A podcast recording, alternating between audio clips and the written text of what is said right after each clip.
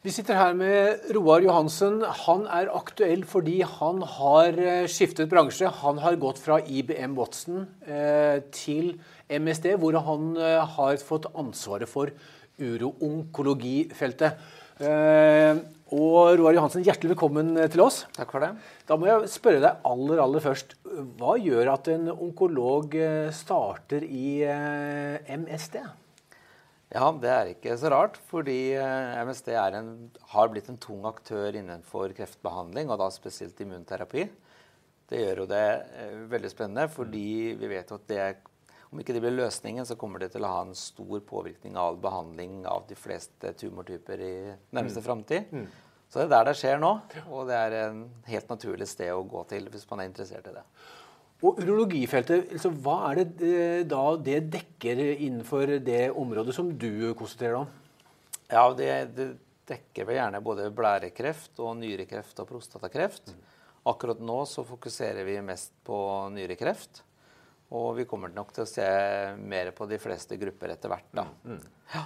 Nyrekreft må vi snakke litt mer om. Det er, det er, også en veldig aktuell sak hvor Beslutningsforum nå for en ukes tid tilbake de sa ja til at Keitruda eller Pembrolizumab uh, i kombinasjon med et annet legemiddel, Inlyta, uh, kunne nå da starte som førstelinjebehandling av, av nyrecellekreft med spredning. Ja, det er, det er, veldig spennende, og det var vi veldig glad for. Mm. Eh, det er jo en eh, ny måte å tenke på at man bruker immunterapi og eh, pembrolizumab mm. og kombinerer det da med axitinib, som er en tyrosinkinasehemmer. Mm.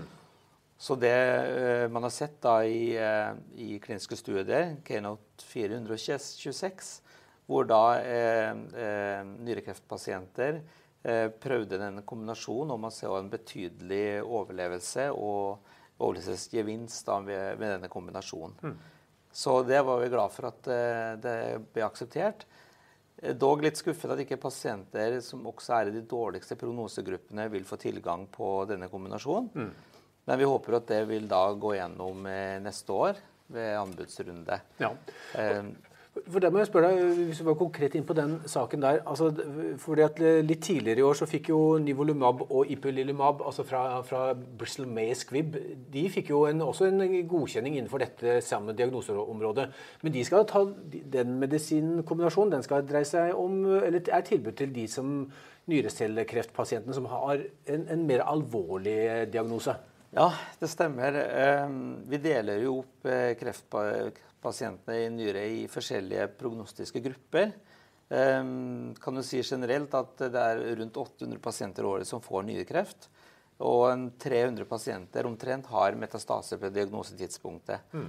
Blant de som da har metastaser, så sier vi at vi har en eh, god intermediær og dårlig prognosegruppe. Mm.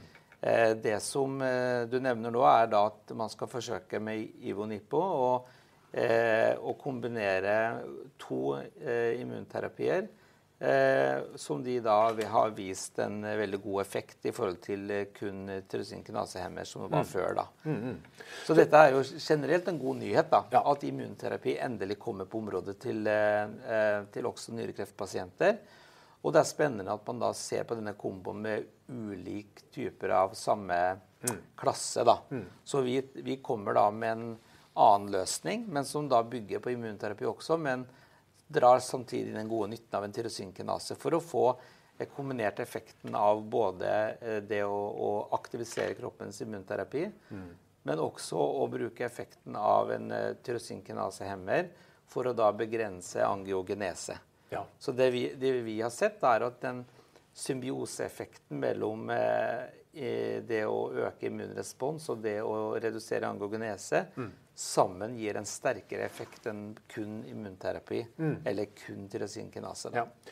Pembrolizumab er jo eh, et veldig suksessrikt legemiddel. Det, det, det, er jo av verden, blitt en av verdens største. og vi, vi Ifølge Farmastat-statistikken så er det jo blitt Norges største legemiddel. Eh, så det har jo fått en rekke indikasjoner. Så dette er jo den siste i en lang, lang rekke. Eh, dere startet jo med, med pembrolizumab innenfor lungekreft og ikke minst eh, malignt melanom, hvor, det, hvor, hvor, det, legemiddelet har hatt en voldsom god effekt for, for mange pasienter. Men der, det, der, der, brukes det som monoterapi. Ja, det, det stemmer. Eh, som, og som du sier, da, så har det vært en helt fantastisk eh, historie nå med lungekreft. Eh, og det har jeg vært veldig glad for, for det var òg en eh, pasientgruppe som hadde svært dårlig prognose i utgangspunktet.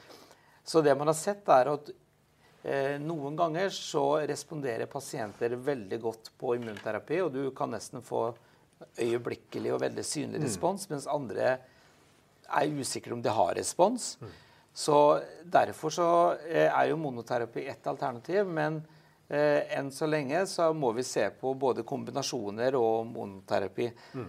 Dette kan skyldes både fordi vi ønsker da, som sagt, en symbiotisk effekt, men også fordi vi begynner å se en annen type måte å følge opp pasienter på.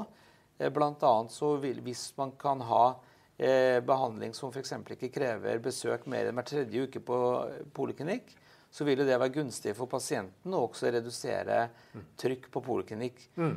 Så det er ikke bare at den er effektiv, men den kan også være eh, viktig for, logi for logistikk og for å rett og slett kunne følge opp pasienter. Mm. Men, eh, men, det er helt riktig at eh, lungekreft og malignt melanom og hudkreft har vært en veldig suksessfull historie. Nå prøver vi da, sammen med mange andre firmaer, mm.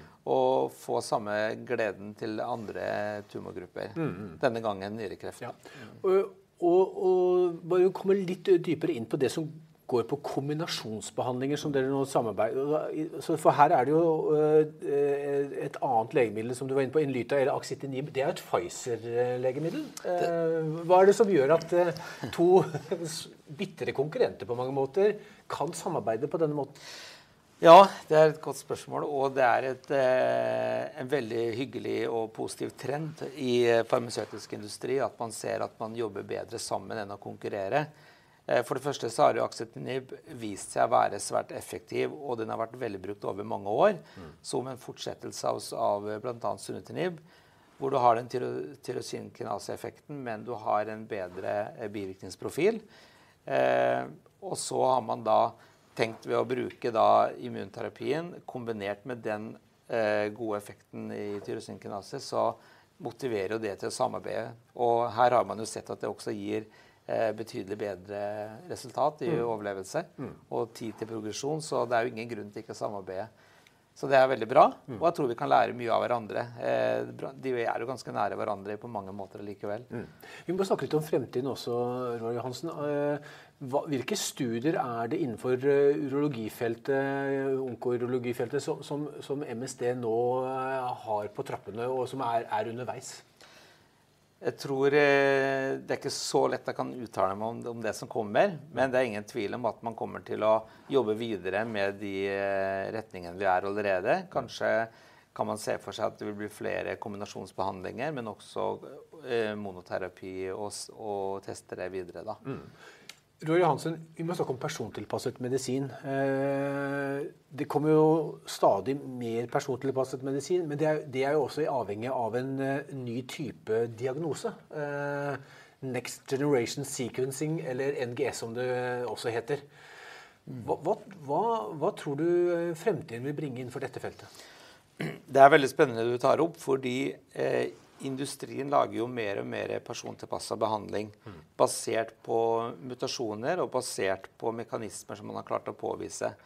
Men denne informasjonen og denne tilpassingen må ha et mottakerapparat mm. som både forstår og som kan eh, eh, bruke dette til å analysere pasientene for å finne ut hvem er det som faktisk skal ha behandlingen.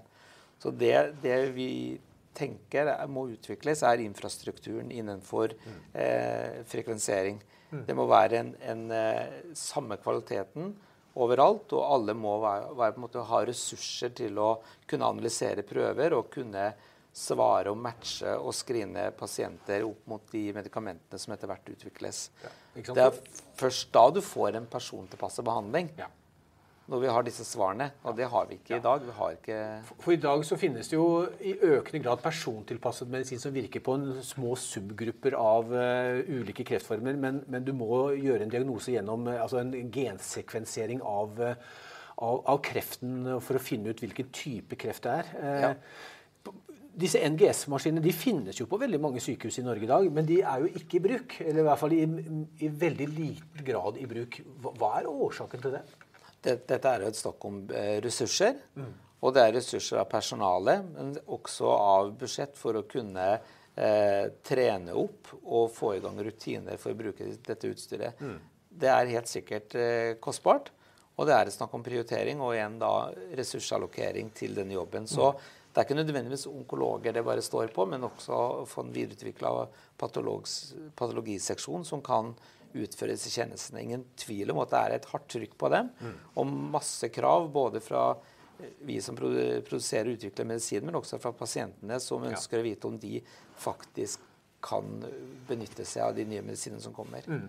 Det, det, er jo interessant. Vi, vi, snakker med Daniel Heinrich. Han er jo onkolog, leder i Norsk onkologisk forening. Han fortalte oss for en tid tilbake at eh, det finnes jo mange av disse NGS-maskinene på, på, Akershus universitetssykehus. Han sier at eh, kostprisen for å kjøre et ganske bredt panel eh, gentest per pasient er ca. 5000 kroner. Eh, det høres jo kanskje mye ut, men hvis man, hvis man gjør det i det private F.eks. på Aleris mm. så koster det fra, fra 40 000 oppover. Mm. Eh, eh, man skal kanskje være forsiktig, men, men, men hvis, hvis, man får kreft, ville det ikke være et, en, en, smart startsted for alle, eller i hvert fall for mange, å først få en, eh, en gensekvensering av kreften sin, og så uh, får behandlerne starte med å finne strategien etter det? Ja, I hvert fall så ville det vært veldig viktig at de fikk muligheten til å gjøre en screening. Mm. Om det skal gjøres i begynnelsen, eller om man skal gjøre det underveis, mm. det kan man diskutere. Mm.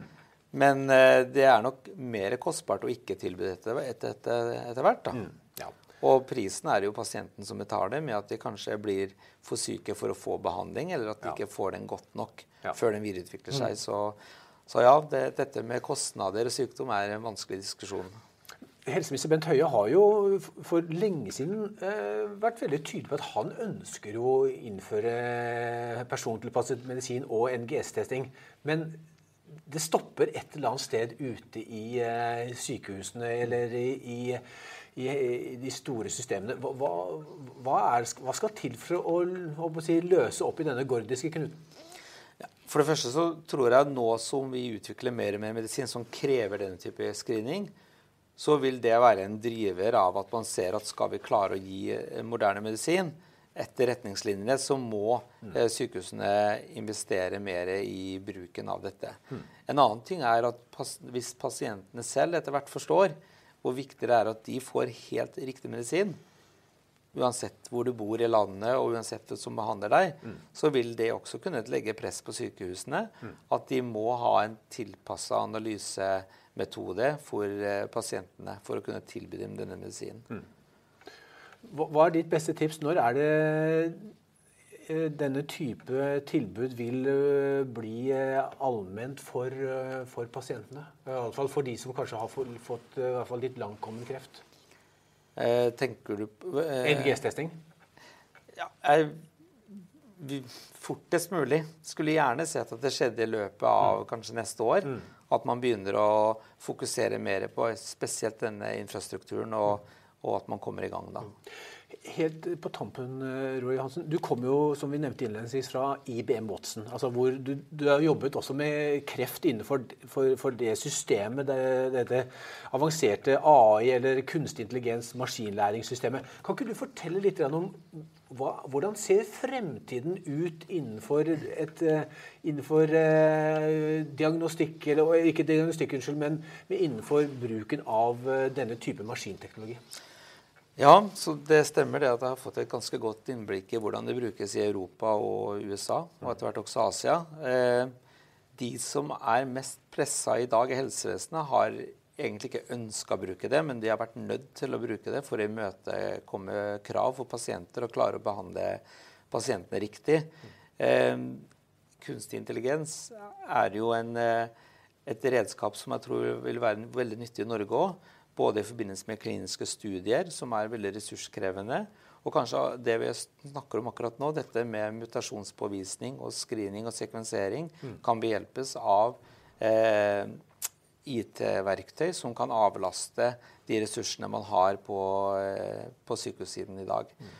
Så jeg tror nok at framtiden vil være en god kombinasjon av eh, ulike IT-løsninger forhåpentligvis også intelligens, men også høyt kompetent personale som kan benytte seg av dette. Mm. Hvordan konkret vil eh, et system som eh, IBM Watson eller tilsvarende løsninger, hvordan vil det, hvilken, hvordan vil det kunne bli brukt innenfor kreftbehandlingen eh, i, i Norge, hvis, hvis, når, hvis det en gang kommer? Ja, F.eks. så har de egne program som retter seg mot gentesting på svært kort tid, og som kombinerer eh, mutasjoner opp mot litteratur eh, og mot retningslinjer. Og dette gjøres i løpet av minutter. Mm. Så man kunne jo i hvert fall fått det som en måte å linke pasienter opp mot konkrete behandling, og fått da en persontilpasset behandling. Mm.